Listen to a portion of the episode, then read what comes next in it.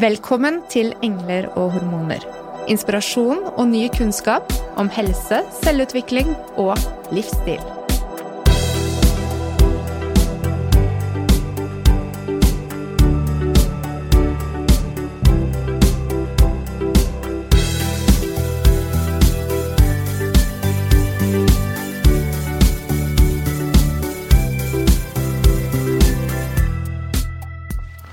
Few years ago, I came across Girls Gone Strong and their focus on exercising women. I became curious when they also included individuals that perceived themselves as female. And I looked into the universe created by Molly Galbraith. What I found was an amazing collection of individuals working together to promote health and wellness, combined with respect, clear boundaries, and an impressive amount of knowledge research and practical experience combined and delivered with soul. So, therefore, we are delighted to introduce today's guest, Molly Galbraith, someone we know to be as passionate about women's health as we are ourselves, and with integrity. Welcome, Molly. Thank you both so much for having me. It is an honor to be on here, and I can't wait to share more about Girls Gone Strong with you and your community. So tell us a bit about yourself, uh, Molly. Yeah, I've got kind of a long and uh, roller coaster type story into health and fitness, so I'll try to keep it short. Yeah, uh, I was an I was an active child growing up. I was a competitive gymnast for about five years, and I was a cheerleader in high school. End of high school and beginning of college, I got really sedentary, and I gained a significant amount of weight. And about it's been 16 years now, 2004, I decided I wanted to get in shape and I hired a trainer at the gym to help me. But I was a, a university student at the time and didn't have a lot of money. So that didn't last very long. But I fell in love with fitness. And about eight months later, I started dating a man at the gym who was a trainer, which is much more economical and affordable. he was a competitive bodybuilder and powerlifter. So I was thrust into this world of intense exercise very quickly started competing in powerlifting and figure competitions. For people who aren't familiar with figure, it's like kind of a mix between bikini and bodybuilding. So I did that for several years. And after I did a few of those competitions, my body would rebound really badly after each one. I would gain a significant amount of weight. And I would feel like my only solution was to do another one and try to lose a lot of weight again. And I did that cycle over several years. And at the beginning of 2009, I was 24 years old, and something I could tell something was wrong, really wrong physically. I went to the doctor and I was diagnosed with Hashimoto's, which is autoimmune thyroid disease, um, PCOS, which is polycystic ovarian syndrome, and adrenal dysfunction. So there was a feedback loop issue between my brain and my adrenals. They weren't communicating well. And um, so I thought, okay, for the last five years, I have been in fitness um, I've been able to control the way that my body looks by exercise and nutrition. And all of a sudden, my body felt totally out of my control. So I've been getting so much praise for the last five years for changing the way that my body looked and shrinking and getting leaner that a lot of my identity was wrapped up in that. And so I said, okay, if I can't be the really lean girl, I'll be the really strong girl. And I started competing in powerlifting again and thinking that I could fix my problem and uh, of not feeling good in my body. And so I did that for a few years. And uh, then, beginning of 2012, I was feeling good. My health was getting under control. Um, and all of a sudden, my dad died unexpectedly of pneumonia. So we found out he was sick on a Saturday and he died on a Tuesday. Oh. And a couple weeks later, I was in the gym working out and I injured myself and started having chronic low back pain. And I had chronic pain for two years. And shortly after that, I left a six year relationship I left a home we had together, a business we had together, and I moved back home with my mom. And um, during this year, this was 2012, as you can imagine, my health and fitness was not my number one priority. And so I gained a bit of weight back. And um, I remember I was at a Girls Gone Strong meetup at the end of 2012, and I went in the bathroom and I stepped on the bathroom scale, and the weight was my weight was only a pound and a half different than it had been when I had started my health and fitness journey a year and a half before. Or sorry, I'm sorry, eight years before. And I just broke down in tears, and I thought that that was quantitative, objective proof that I was a failure. um, that I didn't know what I was doing, that I, uh, you know, wasn't qualified to own a gym or help clients or run an organization called Girls Gone Strong. All of my friends at the Girls Strong meetup were doing weighted pull ups and deadlifting double their body weight. And I was on my back on the ground doing breathing exercises, trying to make my back feel better. And um, so that was end of 2012. And the difficult part was it wasn't just me um, thinking this about myself. I had a bit of an online presence at the time. So I had people making comments on my social media asking what was wrong with my body and why I didn't look the way I used to. I had a woman in my community tell other women not to come to my gym because they might look like me. And I had uh, a colleague of mine who was invited to give a seminar at my gym make fun of my body behind my back to um, my the, my staff, the team that we were working with. And so by this time, it was the beginning of 2013. And I was like, I've got to get this under control. I'm going to go on another diet. and I hired a nutrition coach and started dieting again and uh, worked with him for a while. And I remember one week he sent over my meal plan and he had removed a slice of avocado from my meal plan.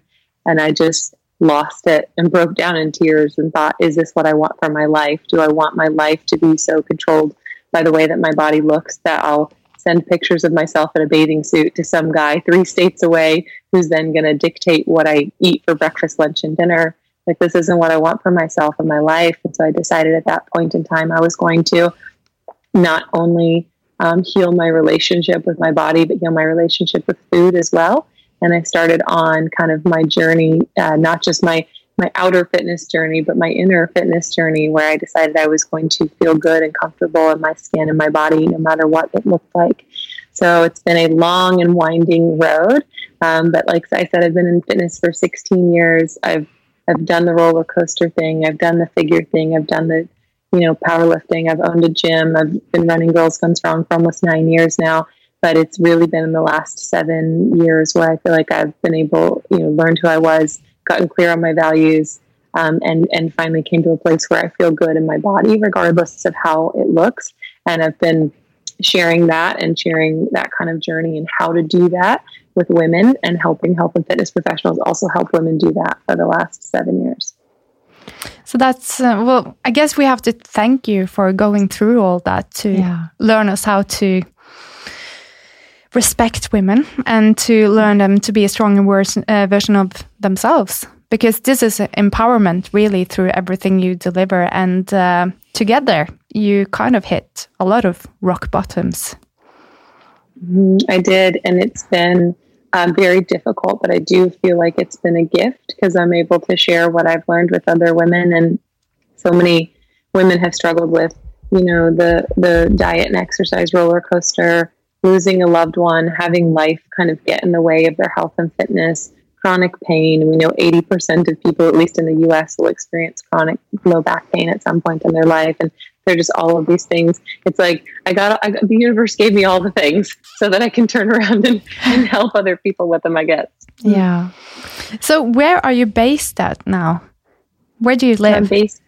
I'm based in Kentucky, in the United States, Lexington, Kentucky, which mm-hmm. is a town of about three hundred thousand people. So it's like a big town or small city, um, and that's where my family is located. But I do travel um, as often as I can since I was born and raised in Kentucky. It's, and it's not a big place. It's nice to get out of there. So that's my home base. But currently, right now, I'm in Phoenix, Arizona, trying to get a little bit of sunshine during the winter.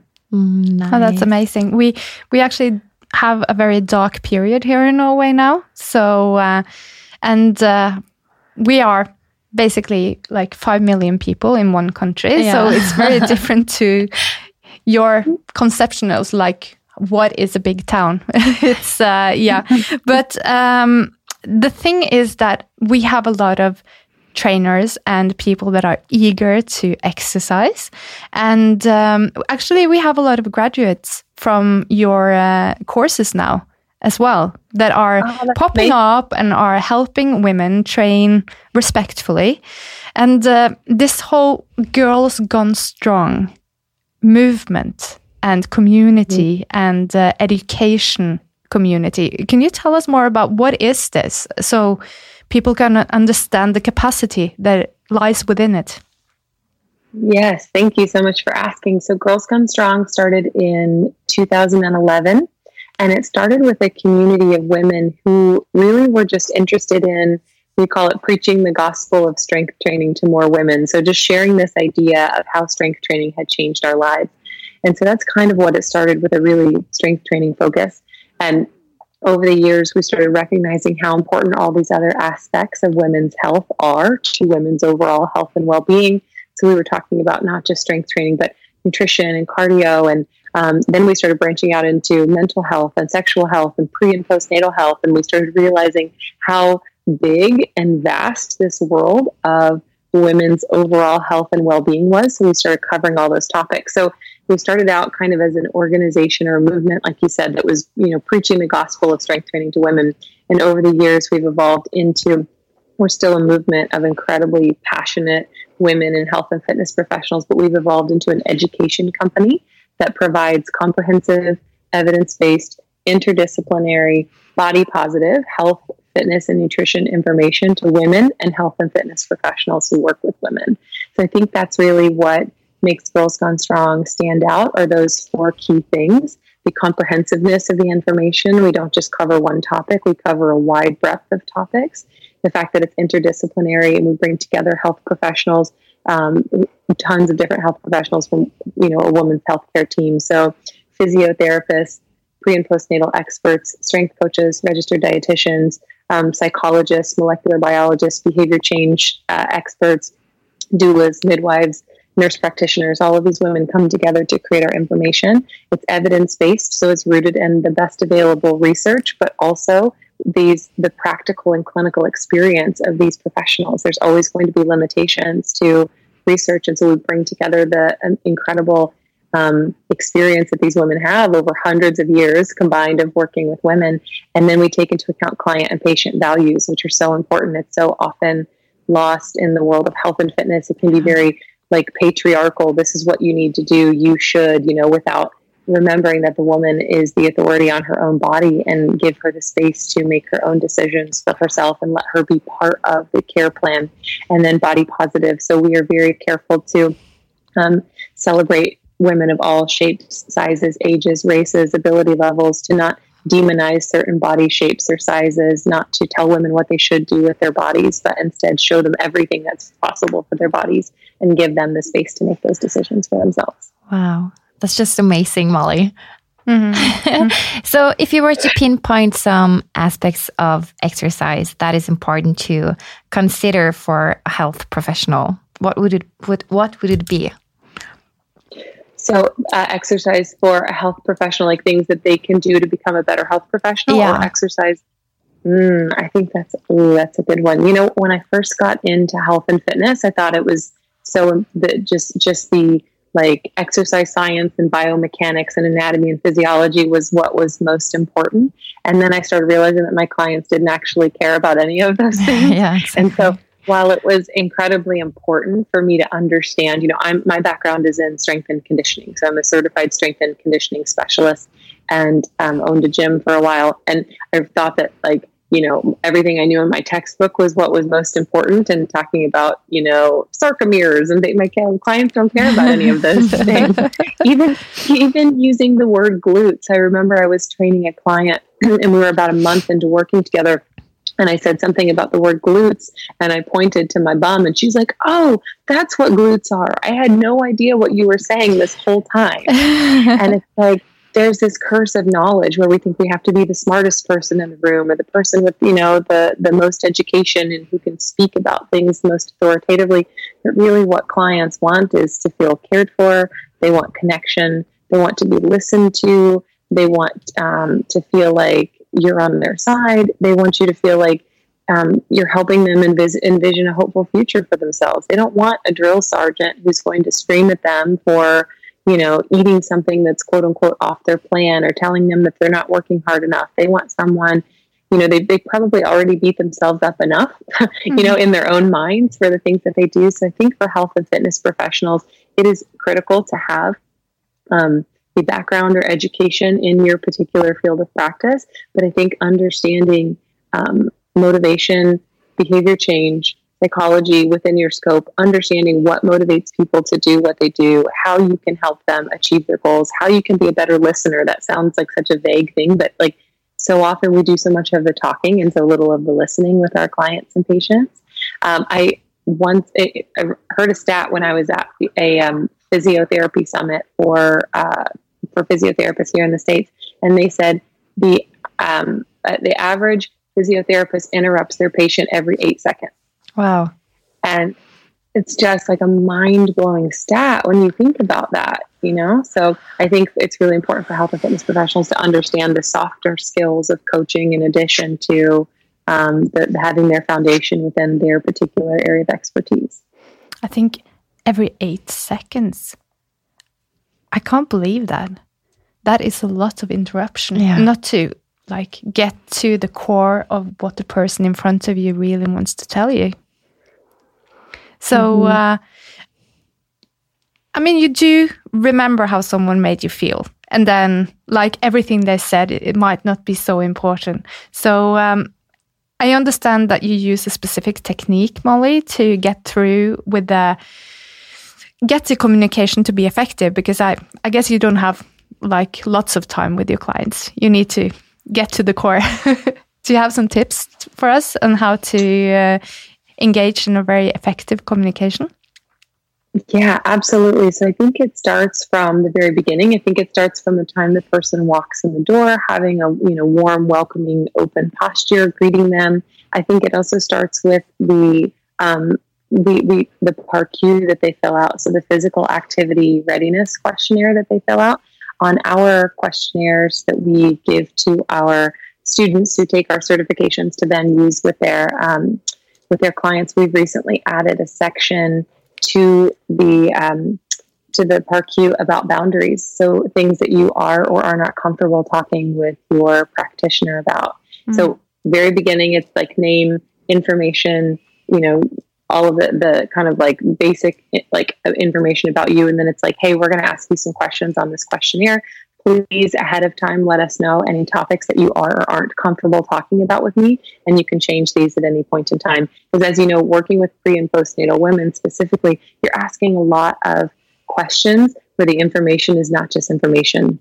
You might be asking how many pregnancies they've had you know how many uh, births they've had how like what their births were like you know did they have any birth injuries that they were experiencing. How are they feeling now? You're asking questions about their overall mental health. So, from the very beginning, letting them know that you're on their side, that their boundaries are important to you, that you care about making them feel comfortable in your space, and that you're not going to intrude or ask them questions about things that they're not comfortable answering, I think is really important. Um, I think not assuming what their goals are for themselves are really valuable. Like you said, we don't have a ton of time with our clients, but there are ways that we can show them just in how we treat them as humans that we respect their we respect their autonomy and we respect their expertise on themselves. So we see a lot of trainers who assume that women have weight loss goals when those aren't in fact their goals at all. We've heard stories from community members of women who went to the gym to increase their deadlift or achieve their first pull up or you know some of their strength goal and the trainer is asking them okay well how much weight do you want to lose? And what's your nutrition like? And you get a step on the scale and they're like hold on that's not even what i'm here mm, for. mm. so you can show you can show your clients and patients respect by not assuming what their goals are for themselves by um, not assuming their ability level based on the way that their body looks. We've had other women in our community tell us that they were overestimated because they appeared they were slim and appeared to be fit and in shape. And so the trainer gave them workouts that was too, that were too hard for them. We have other women who are in larger bodies who report that the trainer underestimated them mm-hmm. and that made them feel really uh, felt that made them feel like they couldn't reach their potential. So i think there are a number of things that you can do um, just in the way that you interact with your client in everyday life when you don't have a lot of time with them to show them that you respect them and care about them and that they're the expert on their own bodies. I think those are a few ways being really clear and asking them what they would like to talk to you about and what they wouldn't, not assuming what their goals are for themselves, um, not over or underestimating, you know, their body, not not assessing their ability level based on the way that their body looks and just allowing them the space to tell you what they want for themselves and be the authority on on their own body and their own experience. That's amazing goals and uh, I think um, for a trainer like you, you've been in the you've been in the game for a long time, Molly. Uh, maybe you need to set some boundaries for yourself as well, because uh, the chemistry must go both ways, I guess. How you mm -hmm. ever turned down the client? Yes, I have. I have turned down clients before. You know, I, it's one of those things where I think a lot of trainers are, or um, health professionals are nervous to um, turn down someone who might not be a good fit for them because they're worried about offending that person or they're worried about getting a bad reputation, being difficult to deal with, or they're just worried about filling their client roster.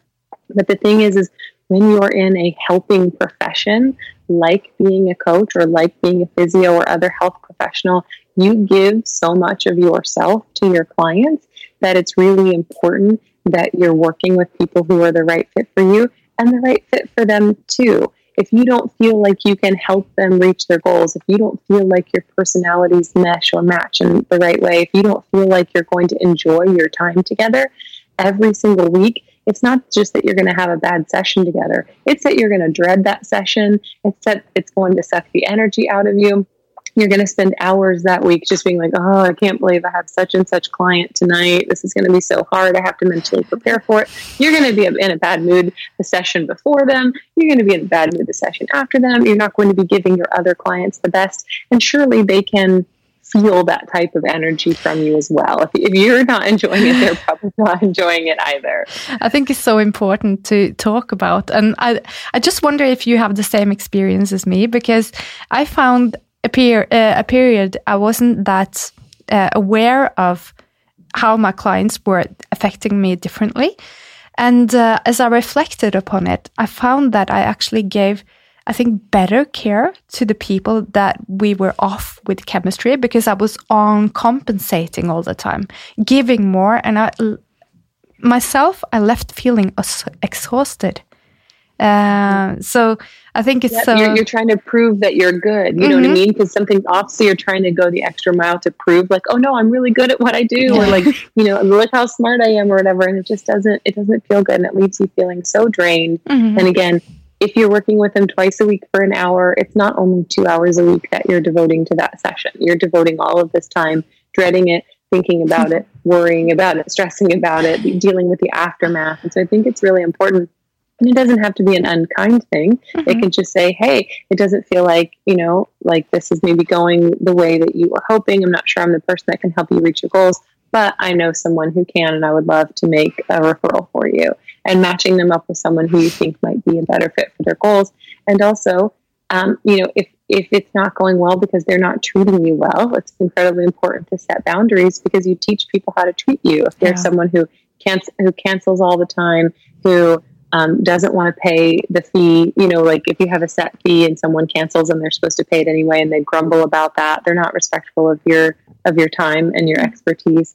If they tell you, you know, that they don't like this exercise and they don't like that exercise and this isn't working, and you know, like if they're constantly bringing all of that to the session, like they're they're not enjoying it either. And so I think it's important to set those boundaries and you know be really clear about how you want your clients to treat you because if you don't, they will they will there are clients who will step in and keep taking more and more and more and more of your time and energy. So setting those boundaries, I think, is important not just for you, but for them. And you know, they might be have their feelings a little bit hurt, or you know, feel maybe a little bit bummed, but it also might be an opportunity for them to get reflective and introspective and examine why the relationship didn't work out. Hmm. I think uh, we already have some major takeaways here, but highlighting this uh, this could be very scary for people, especially when you're starting out and you're trying to build a client base and you're working hard to get your business up and running. But um, I have been in the game some years as well now, Molly, and uh, I I really think creating the kind of practice that you want to have and be clear on your boundaries and be clear on how you want to work, uh, both hours and with the people. So it makes everything so much better. yeah. It, it feels like it will cost you in the short term, but keeping that client will cost you in the long term, which yeah. I think is a really good mindset shift to have. Mm-hmm. So I'm curious, Molly, you were talking about um, how to communicate with women about uh, their bodies. Uh, mm-hmm. how can we help women improve their body image through our communication with them? Yeah, I think that is such a good question. And I get that question a lot from health and fitness professionals. And some of the things that I already um, talked about are really important. So, when we think about body image, we so often think about the way someone looks or the way someone feels about how they look. But there are so many other aspects to women's relationship with their bodies that I think are really important to understand and consider. So, if you think about whether or not women feel safe in their bodies, in the US, 81% of women report experiencing street harassment. Uh, we know one in three women globally will um, be victims of sexual assault or violence in some capacity. Uh, 30% of women in the US experience intimate partner violence, also known as domestic violence, so some type of abuse from their partner. So you can imagine how those experiences would affect the way that a woman feels in her body in terms of the ownership she feels over her body, whether she feels safe in her, her body, whether she feels worthy in her body. Um, there's also this level of comfort that women feel in their bodies, so physical or emotional discomfort. So we know a lot of women deal with chronic pain, one in 10 women have endometriosis, really heavy, painful periods. They might have mental illness that they're dealing with, depression, anxiety, all of these other things that affect how they feel about their bodies.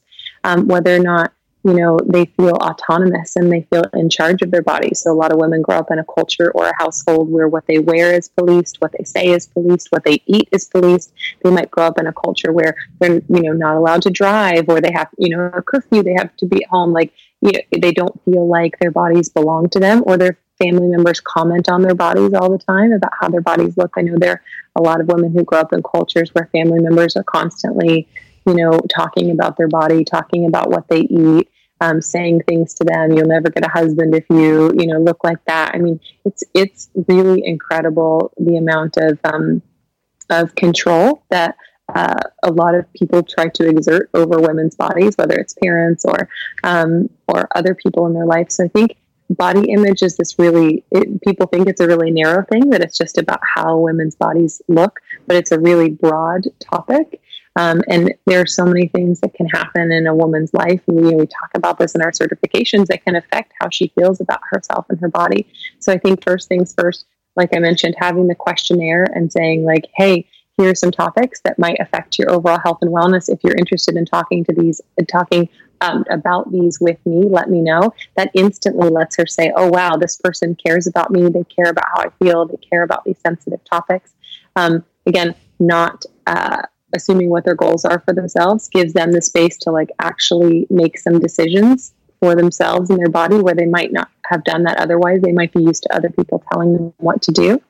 I like to be really mindful of varying my compliments that I give women about their bodies. So, so like most of the compliments that we hear are, "Oh my gosh, you look so good. You've lost weight." You know, like like it's all about appearance, right? But when we all we ever comment on is a woman's appearance, the message that we're sending her is that her, the way her body looks is the most important thing about mm-hmm. her. Mm-hmm. And so, um, and often, and I won't say often, but it is also something to consider that if it's someone who's not a client of ours and it's just an acquaintance or someone we don't know very well, we might be complimenting her body because she's lost weight, but she might have lost weight because she's dealing with chronic illness. She's going through a divorce. She's been diagnosed with cancer. I've heard horror stories mm-hmm. of women complimenting other women's bodies, and the woman's actually uh, been diagnosed with cancer. She might have recently had a miscarriage and been experiencing depression or divorce, you know, and we're like, oh, you look so great. And she's like, I feel terrible. Like, why am I getting all this positive attention when I'm mm-hmm. actually really ill and not doing well? So I think it's really important to vary our compliments that we give women and talk about, um, you know, like how much effort they're putting in, what a good, you know, friend they are, how consistent they've been, how proud we are of them for, you know, being uh, sticking to their sessions with us, how strong they look, how powerful they are, and like give them compliments about things that are, you know, like I think of it as like a like a one to ten ratio. Like one, I, I think some women do feel good and are interested in hearing positive things about their body. I tend to stick to things like you look so strong, you look so confident, you look so happy, you're glowing. Oh my gosh, you know, like things like that versus like you've lost weight, congratulations.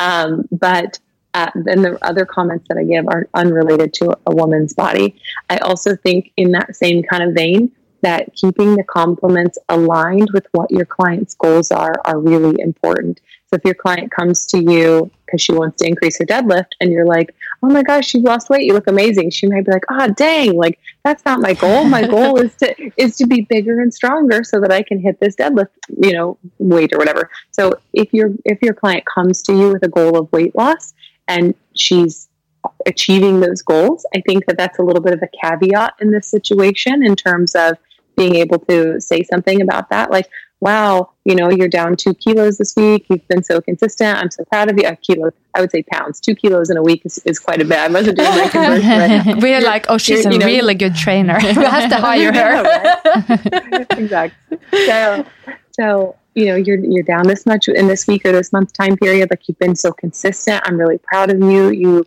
put your mind to this and you've stuck to it. You've been showing up. You've had such a great attitude, and you're getting closer to reaching your goals. Congratulations.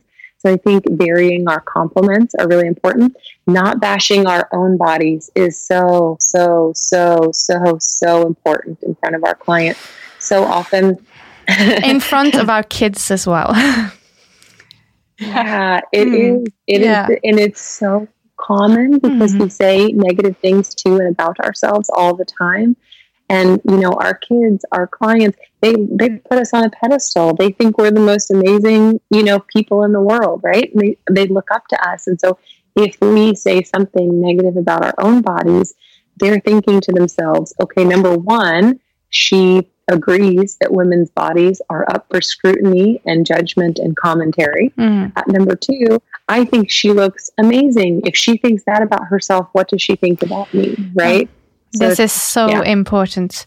And uh, especially this allowing for talking about women's bodies like that um, is something that we are so used to. I think everyone that is listening now can think back to having listened to someone commenting about someone else's body behind their back or yeah. to their face.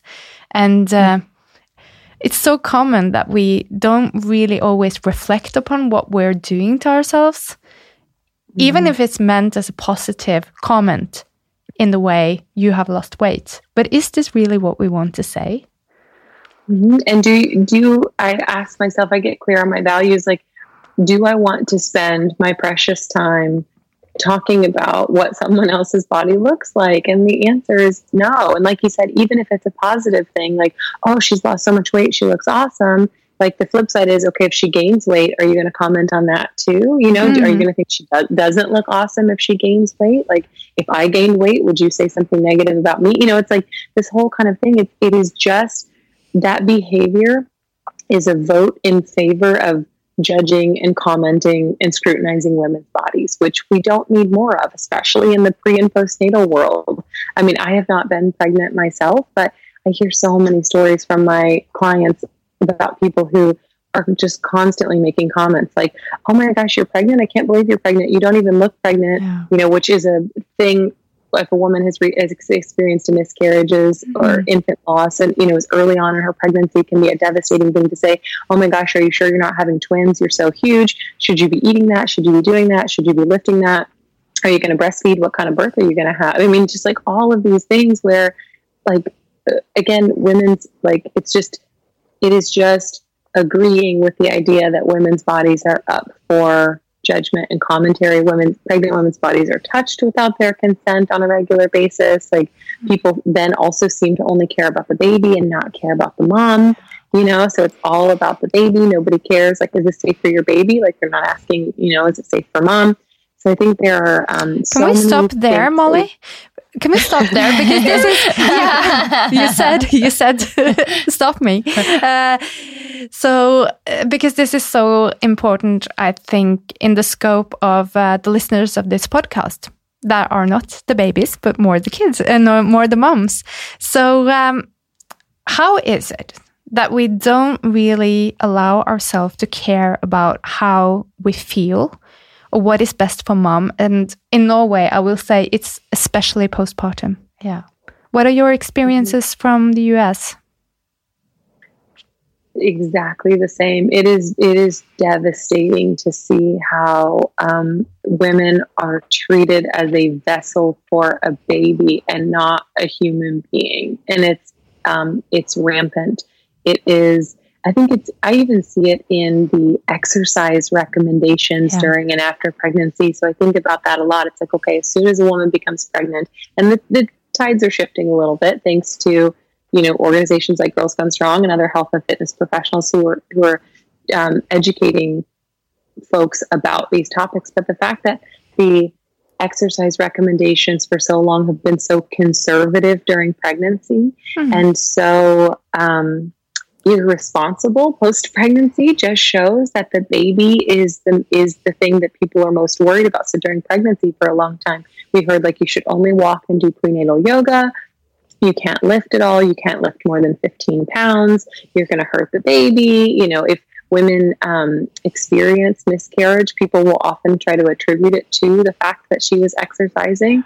Um, and then post pregnancy, it's like, oh, okay, women in the US, they're usually only in the hospital. I think for a vaginal delivery that's uncomplicated, it's like a day and a half or something like that, maybe two days. And for a C section, it's like two or three days. It is when you know we work with professionals from all over the world and so we were in the birth process chapter of the certification and our experts in australia were like that's not our experience women are in the hospital actually quite a bit longer in the us it's like kick them out you know as soon as the baby's out like they're mm. gone um, so it's interesting to see that that disparity or that difference but you know women in the us have their baby um, it is not standard practice to recommend they see a pelvic health physiotherapist afterwards. In fact, a lot of women have to fight with their doctors to get a referral, even if they have a C section. So they just had major surgery and they're having to fight with their doctor to get a referral to physiotherapy.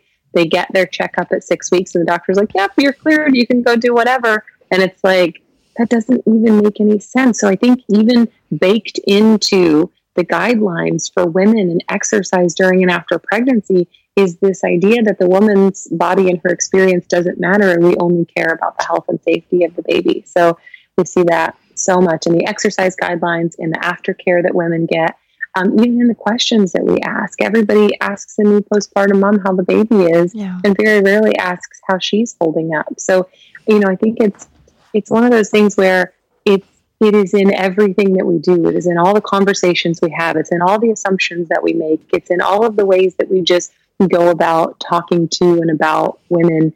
And it's like, it's like when once you start to see it, you can't unsee it. Does mm-hmm. that make sense? yeah, I think. And what are we doing to ourselves? Because this is this is a new time. We have raised up like being uh, working women. We have the opportunity to be entrepreneurs, or we can work and have full time jobs, and we can use childcare to fulfill like being a mom and also having a career.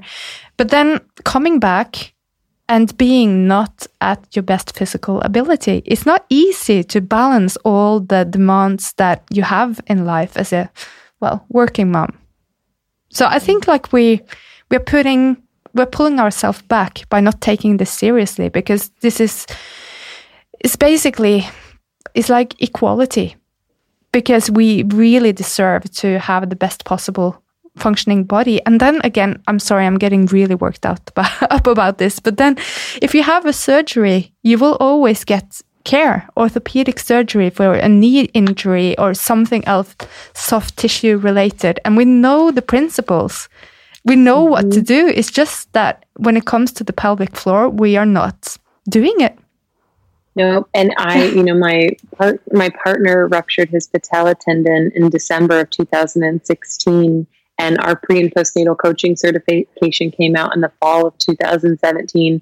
And I was like you, I was so worked up and angry because the way that he was treated and how um, specific the rehab protocol was for him, and how many sessions he got with physical therapists, and just like you know, it, it, there was this just like very obvious, like, well, you had surgery and here's the aftercare and make sure you have someone who can do all of these things for you mm-hmm. and who can help you. And, and like, this is when you should start seeing a physical therapist, and this is how many sessions you should have every week, and this is what your plan, how your plan should progress over time. And I'm just over here like about ready to lose my mind because I have literally friends who have had C sections who get none of that, mm-hmm. who get none of it, and who even get pushback from their doctor when they ask, or so they don't even know about pelvic health physiotherapy. By the way, that's growing. Luckily, that's growing and changing a bit here in the U.S., but there are physiotherapists here in the U.S. who don't who don't even know that pelvic health physiotherapy is a thing. So it's within their own profession, and they've never even heard of it, um, or they don't take it seriously, or they think it's funny. I was talking to a physiotherapist recently, and um, mm, I'd say maybe two or three years ago, and I brought up the idea of pelvic health physiotherapy, and he literally snickered at it. And I'm just like, this is bananas. Like, this is so important. And um, yeah, and it, there's so little knowledge about it. And then when there is knowledge about it, you know, they have to fight, you know, fight with their doctors about it. And then there's a stigma to it, right? Like this person is a physical therapist, you know, why are they doing internal work? Or, you know, there's just like a lack of overall awareness about mm-hmm. it. Um, but yeah, seeing my, my partner's uh, post surgery rehab protocol and comparing it to what I know the experiences are of my friends who've given birth um, just made me so so angry and upset uh, that there isn't some standard rehab protocol um, for women. And even there's there's uh, at least in the U.S. there's not a um, there's not a what's the word like standard of support that women get postpartum either. You know, their their mother or their mother-in-law might come stay with them for a week to help them adjust, but even the women for whom that happens are considered very lucky. A lot of them are left to fend for themselves very mm-hmm. early on. Um, I saw a meme on social media that said something like um, that it said something about women like your baby's only six months you're going back to work already and then it's like to the husband like you really need two weeks of paternity leave yeah. and it was this like mm-hmm. kind of thing where with you know like again, I, and I think it, there's kind of two different camps, right? There's the camps where women aren't supposed to go back to work and they're supposed to devote their entire life to taking care of their baby and only, you know, not have a life outside of their children. And then there's the camp where women feel a lot of pressure to get back to work ASAP, to get their body, to get their quote unquote, I'm doing doing air quotes, body back, you know, post pregnancy, for them to, you know, look like they did, you know, pre pregnancy at like six weeks or something, for them to balance the career and the family life and to look perfect and all that kind of stuff. And then the husband, they're just like, you know, oh wow, you're taking two full weeks when your baby's born. That's amazing. Do you really need that much time? And it's like, you know, just mm-hmm. um, unbelievable the expectations that we put on women and what they're supposed to do and how they're supposed to do it all with the lack of lack of overall lack of support. Well, you can't really see uh, dysfunction of the pelvic floor from the outside.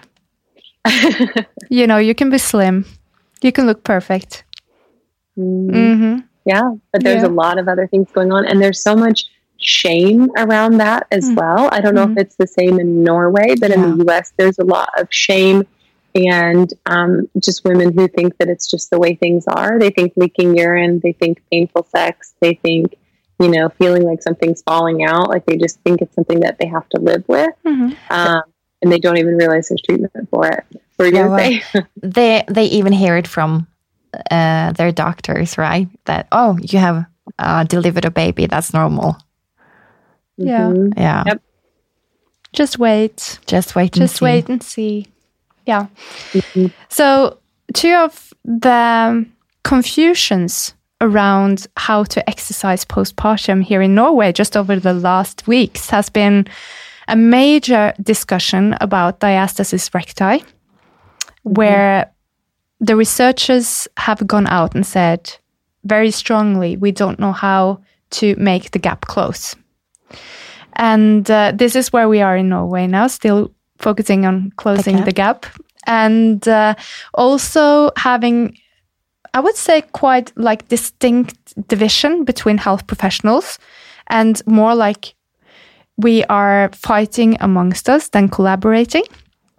Uh, and I really, this is one of the reasons why I think this interview is perfect because my experience from going through your education is that it's actually one of the most like diverse looks on the research. You really pulled out everything you could find with your I mean, you have amazing partners that has helped you go through this as well. I know, mm-hmm. and um, not like pulling one result ahead of another.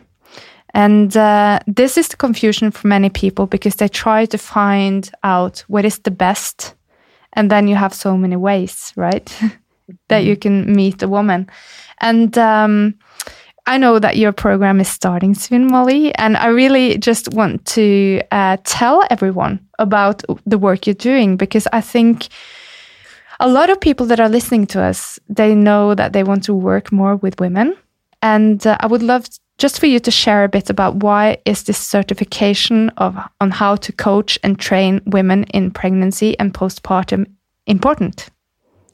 Yes, I would love to. Thank you so much for that opportunity. And I do, I think what you were saying about diastasis recti is a perfect example of the way that we approach these topics in our certification. So we have 19 pages. So the certification comes with a 500 page textbook. And there's a specific section on diastasis recti, although we talk about it throughout in different in different sections. But there is 19 pages, and we pull all of the latest research and we look at the entire body of evidence and research and not just like focus in on one study that says like oh okay so this is this this said this and so we think this right? So we pull back and we look at the entire body of research. And then we also as i mentioned at the beginning take into account the practical and clinical experience of the experts who worked on the certification. So this certification specifically had six pelvic health physiotherapists four pre and postnatal experts three PhDs in molecular, or I'm sorry, actually four PhDs. One of the physios is also a PhD. Um, four PhDs in exercise science, psychology, molecular biology, and rehabilitation science. An OBGYN, a doula, and a midwife who's also a nurse practitioner. And they're from five different countries. They're from the US, Canada, UK, Mexico, and Australia. So we brought all these amazing women together. And it's not like, one woman wrote the chapter on the birth process and another woman wrote the chapter on this. They all collaborated together because there are so many um, amazing and varied experiences and backgrounds that they have that they were able to say, okay, so this is what the research says, but this is what my experience has been, and this is what my experience have, has been. And so on every single chapter, there were between six and 10 women who wrote, uh, reviewed, developed, challenged, uh, you know, edited the curriculum because we wanted to have all of those experiences in there. And so for the section on diastasis recti, for example, we talk about all the studies, we talk about the limitations of the studies, we talk about how closing the gap was once the gold standard, we talk about the updated information. So, you know, there are studies based on that show the quote unquote success of healing diastasis recti by closing the gap but that is not necessarily what we know now or what we think now right? Where it's always what we what we think in the moment based on the best available evidence. There's very little that we that we know for sure. What we think now is that it's actually the tension that what's more important is you know can can she create tension in in the linea alba instead of like you know bringing closing the gap or um, uh, you know making the gap smaller. And so we talk about okay so this study is showing quote unquote healing diastasis recti by bring by closing the gap. But the reason why that study has limitations is because we now know that closing the gap is not as important as a woman's ability to generate tension, things like that. So we give all the research and then give all the context and then bring in all the clinical experience and then give students actionable things that they can do right away to implement with their clients and patients with it, which I think is really valuable. I think there is a number are a number of courses or bits of continuing education that are really informative, but they're not necessarily transformative. They don't teach you how to then go and apply what you're learning with your clients and patients. And so that's what we try to do all throughout the certification. And we also cover um, pre and postnatal specific coaching and psychology. We cover female anatomy and physiology and how it changes during and after pregnancy. We cover nutrition we cover exercise. We cover um, the birth process because so many health, at least fitness professionals, think that they don't have to know anything about the birth process because they're not a medical professional. But even just understanding what your client just went through before she comes back to work with you is really important. We cover postpartum rest and recovery and rehab and exercise programming during and after pregnancy. So we um, teach people how to develop um, strength and conditioning and cardio programs for women during and after pregnancy. And again, we made sure all of our professionals are were brought in through the whole process. So when we're talking about pelvic organ prolapse, we had a psychologist who reviewed that section about how do you talk about pelvic organ prolapse with your client? Like, how do you have this conversation with her and share the information in a way that is accurate without instilling fear in her without making her feel like her life is over like it's the worst thing ever that she's you want to be empathetic without being like oh i'm so sorry you know like as if like like having pelvic organ prolapse is a death sentence right? Like how do you provide the information in a way that's empathetic compassionate and understanding and saying you know what? Like i know that can be a really hard diagnosis to get but the good news is there is so much that we can do to help you feel better. I'll work with your pelvic health physio to figure out ways that you can stay active and do activities that you love that don't aggravate your symptoms. Like there's so much, I'm gonna cry. There's so much possibility here, you know? So it's like, how do we teach health and fitness professionals how to work with their clients, have the information that they need, the biomechanics, the anatomy, the physiology, the exercise science, and then actually deliver it from human to human in a way that helps women feel good and safe and strong and empowered and resilient. And like there's so much possibility for their life and their body. It's so important. And uh, you know you you're working magic over here as well because we actually have a couple of girls gone strong coaches that work here uh, in proximity to the clinic we're working in. I work as a pelvic health physio. Um, this girl i saw last week she had very difficult first pregnancy and uh, pain postpartum. Uh, this is her second pregnancy, week 37 now, and she's thriving. And she is exercising, you know, like she's really exercising because the trainer is confident that where to push and where to pull back. And I think this is so important is that exercising whilst you're pregnant doesn't have doesn't have to be low intensity. You just need to know what to do. Yeah. And mm -hmm. Yeah, this is this is something the CrossFitters needs to know as well because they won't really listen to the physios because they think oh we're talking about this pelvic health or like pelvic exercises, mm -hmm. but it's so much more to do. And uh, yeah, mm -hmm. guys, check out Girls Gone Strong. Yeah, yeah. Mm -hmm. So, um, what about our responsibility as coaches and uh, influencers? You had some experience yourself getting shamed when you changed your body type back then.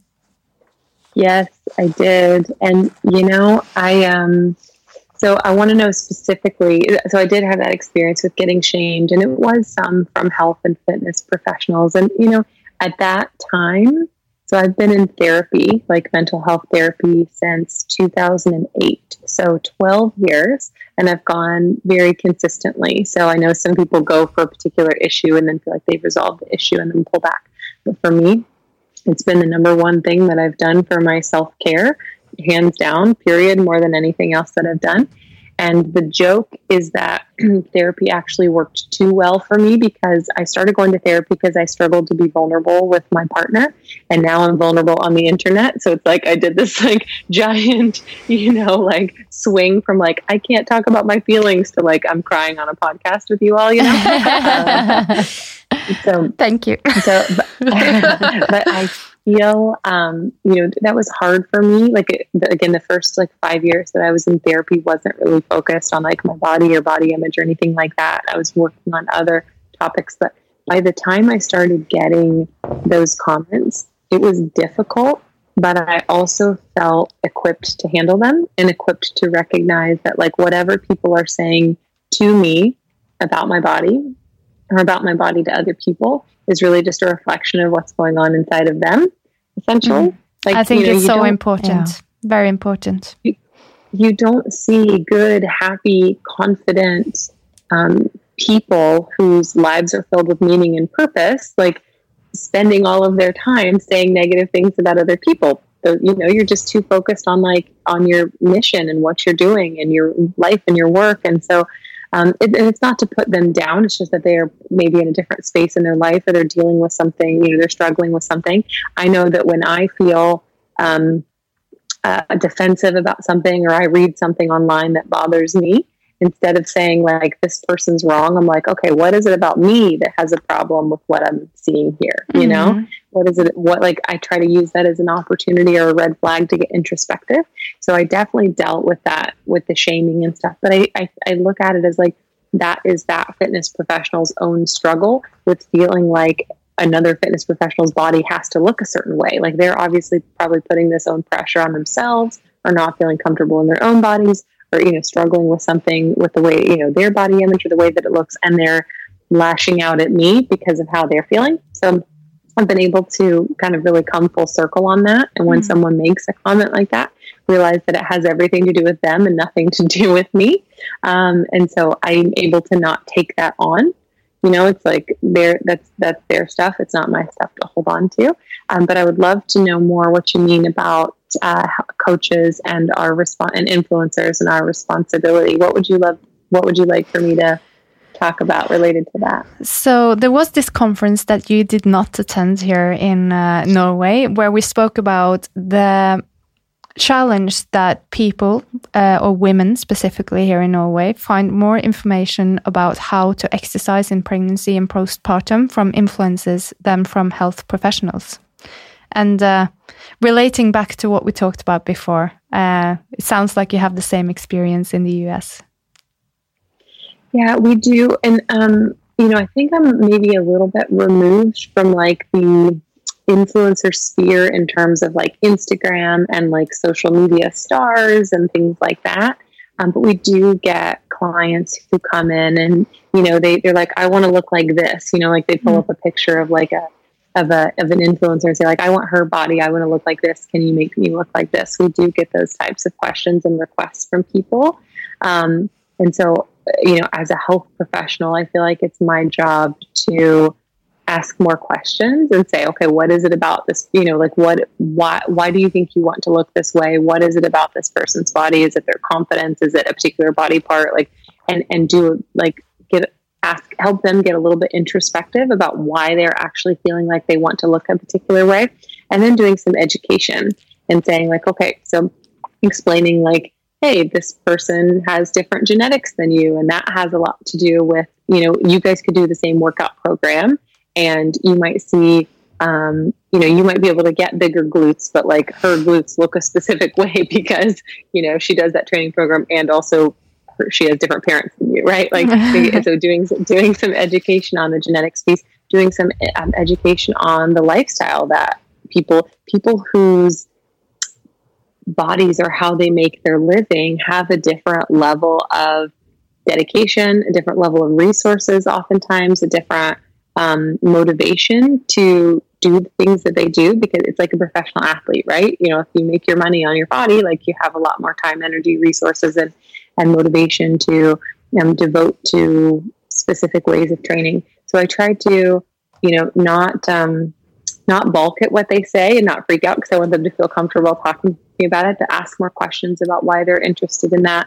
what they think that person's program might be like, what you know, what if they understand what that person, how much of time and energy that person devotes to putting into their body, if they would, you know, understand probably what that person's diet is like and what they eat, if they understand that maybe they don't go out in social situations because they know they, ha- you know, they don't want to drink alcohol or they don't want to eat that food, so they stay home and just try to give them a more clear perspective of what that person's life might look like in order to achieve those things mm-hmm. and also educate on educate on Photoshop and posing and lighting and like all of these other things um, that people might be using to achieve that certain um, appearance. I think the education piece is really, really important. So I guess um, looking at this episode and uh, what people really want to know from you, the expert, is is it okay for a woman to exercise with high intensity in pregnancy? Oh, that is such a good question. So, um, I think we need to differentiate uh, or we need to be clear on what we mean by high intensity. So, we use at Girls Strong, we use a perceived effort scale. So, from one, which is like lying around reading a book, all the way up to 10, which is pushing yourself absolutely as hard as you can. So there are a couple of myths about exercise in pregnancy that have to do with intensity. And number one is that if you did not exercise prior to pregnancy, um, you shouldn't start anything new and you shouldn't start an exercise program. And that's actually not true. So, as long as you're cleared by your doctor for exercise and you don't have any absolute or relative contraindications, so reasons that might be dangerous for you to exercise, you can actually start an exercise program in pregnancy. But you should not work at higher than um, a moderate intensity, which is considered We're looking at effort. A moderate intensity is considered like a six to seven out of that 10 scale. So you're supposed to start at a lower intensity with both strength training and cardio. And throughout your pregnancy, as long as you feel good, you can work your way up to working at a moderate intensity, which is around that six to seven, where um, you're feeling challenged, you're short of breath, but you can still speak, you know, maybe a sentence or two here or there in between what you're doing. Um, so, yes, you can absolutely start an, an exercise program in pregnancy. It's just um, not recommended if you're new to exercise going above that that kind of moderate intensity level. And then the other myth is you can keep doing whatever you were doing in pregnant or prior to pregnancy during pregnancy. And that has some caveats to it. So high intensity interval training, for example, so HIIT um, which is exercising at a nine and a half to 10 out of 10 on the perceived effort scale. So essentially pushing yourself as hard as you possibly can and then resting and then pushing yourself as hard as you possibly can. HIIT um, is contraindicated in pregnancy. However, vigorous intensity exercise, which is a step below that, so exercising in that seven to eight and a half range, um, which is even more challenging, where you can really kind of only speak, uh, you know, a, couple of words at a time. Um, if you were doing that prior to pregnancy, it is absolutely possible to keep exercising at that intensity during pregnancy as long as you feel good. Um, in terms of lifting weights, uh, all of the major governing bodies recommend that women do a mix of both strength training exercises and cardiovascular exercises during pregnancy. I do think it's important to be aware of possible signs and symptoms um, that you might be pushing yourself a little bit too hard or that you might be um, doing something that your body either isn't quite prepared for or might come with a higher it might be associated with higher risks of things like pelvic organ prolapse or incontinence or other issues like that. So if you're experiencing leaking urine, so involuntary le- leaking of urine, if you're experiencing pelvic pain, if you're experiencing bulging or heaviness in your perineum, or you feel like something's going to fall out of your vagina, those are all signs that the thing that you're doing is probably a little bit too intense for your body. Um, but the good news is that doesn't mean you have to stop exercising. There are ways that you can modify the exercise that you're doing. So maybe you're doing a particular squat variation and you're starting to experience that, you can lighten the load of the squat that you're doing. You can um, change the implement. Maybe if you were using a barbell to front squat, you can go to a kettlebell or a dumbbell. You can um, shorten your range of motion. You can reduce the number of reps. Maybe you weren't feeling that until far, you know, maybe if you're doing 12 reps, maybe you started feeling it around rep eight. You can reduce the number of reps you're doing. You can play around with your breathing strategy. There are so many different things that you can do to see if you you can do this same exercise but in a slightly different way that your that your body can handle a little bit better and is a little bit more prepared for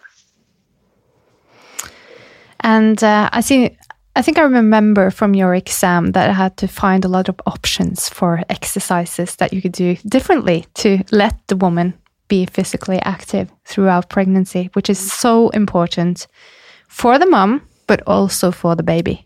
So, Molly, as we are coming to an end here, uh, we like to ask our guests if they have had any huge hormonal responses over the last week that they would like to share with us.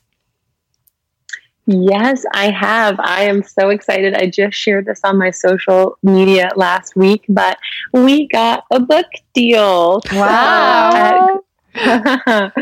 so at Girls Gone Strong, we have all of our certification textbooks and other things have all been self published.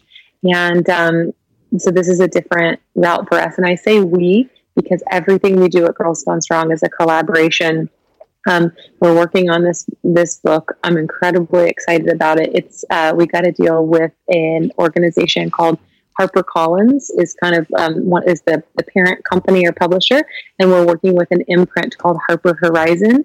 whose goal is to create books that um, make the world a better place. Mm. And so we're so, so, so excited.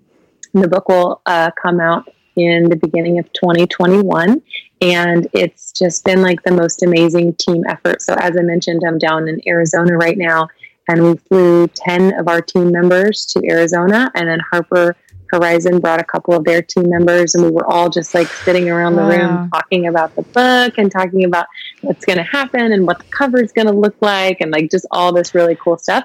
And um, to have a room of um, other women who were supporting this vision that I have was just like the most amazing feeling in the world. It's like they were as excited about the project as me.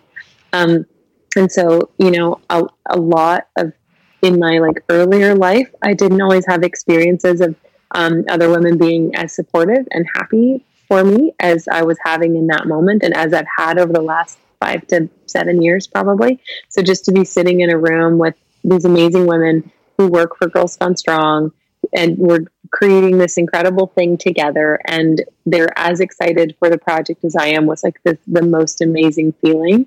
Um, so yeah, it was pretty pretty wow. incredible week that I had last week. So I can detect definitely I can detect oxytocin and serotonin. Absolutely. And I'm so happy for you, Molly. Yeah. Yeah. Thank you. And thank, thank you, you so, much, much for having Sorry. Thank you so much for being so passionate and sharing your passion with us in our podcast. It's so important to talk about women's health and uh, yeah, everything around it. So thank you so thank much you for having me. I know I know you all are doing amazing things and making waves in the country of Norway. So thank you for, you know, being so incredible and um, being so passionate about what you all do and affecting so much change in your area because I, I know that you are, I can tell that you are, and I just really appreciate uh, what you all are doing. And thank you so much for having me on the show. It's been an honor. So thank you, Molly. Uh, I can honestly say that um, I think from everything I have experienced, being around in different countries, learning about pelvic health and how to meet women, Girls Gone Strong is one of the definitely one of the things that has changed the way I look upon how to meet women, how to exercise women, and not being scared to go in there and actually help women get fit and listen to what they want to achieve. So, um, I just wanted to thank you for taking the lead in, in, in this industry and letting us come along for the ride.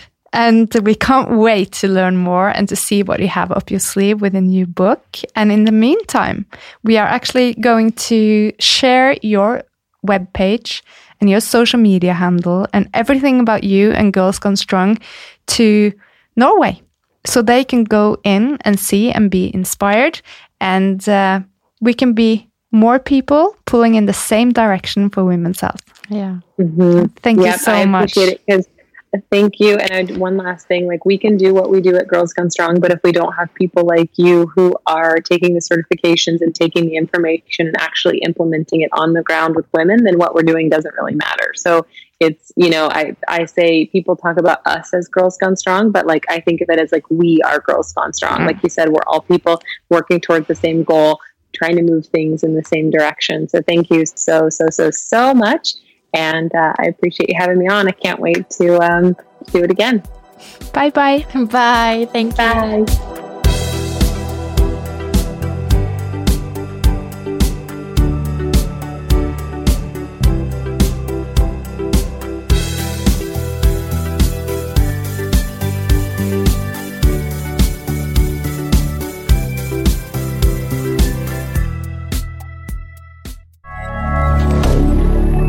Media.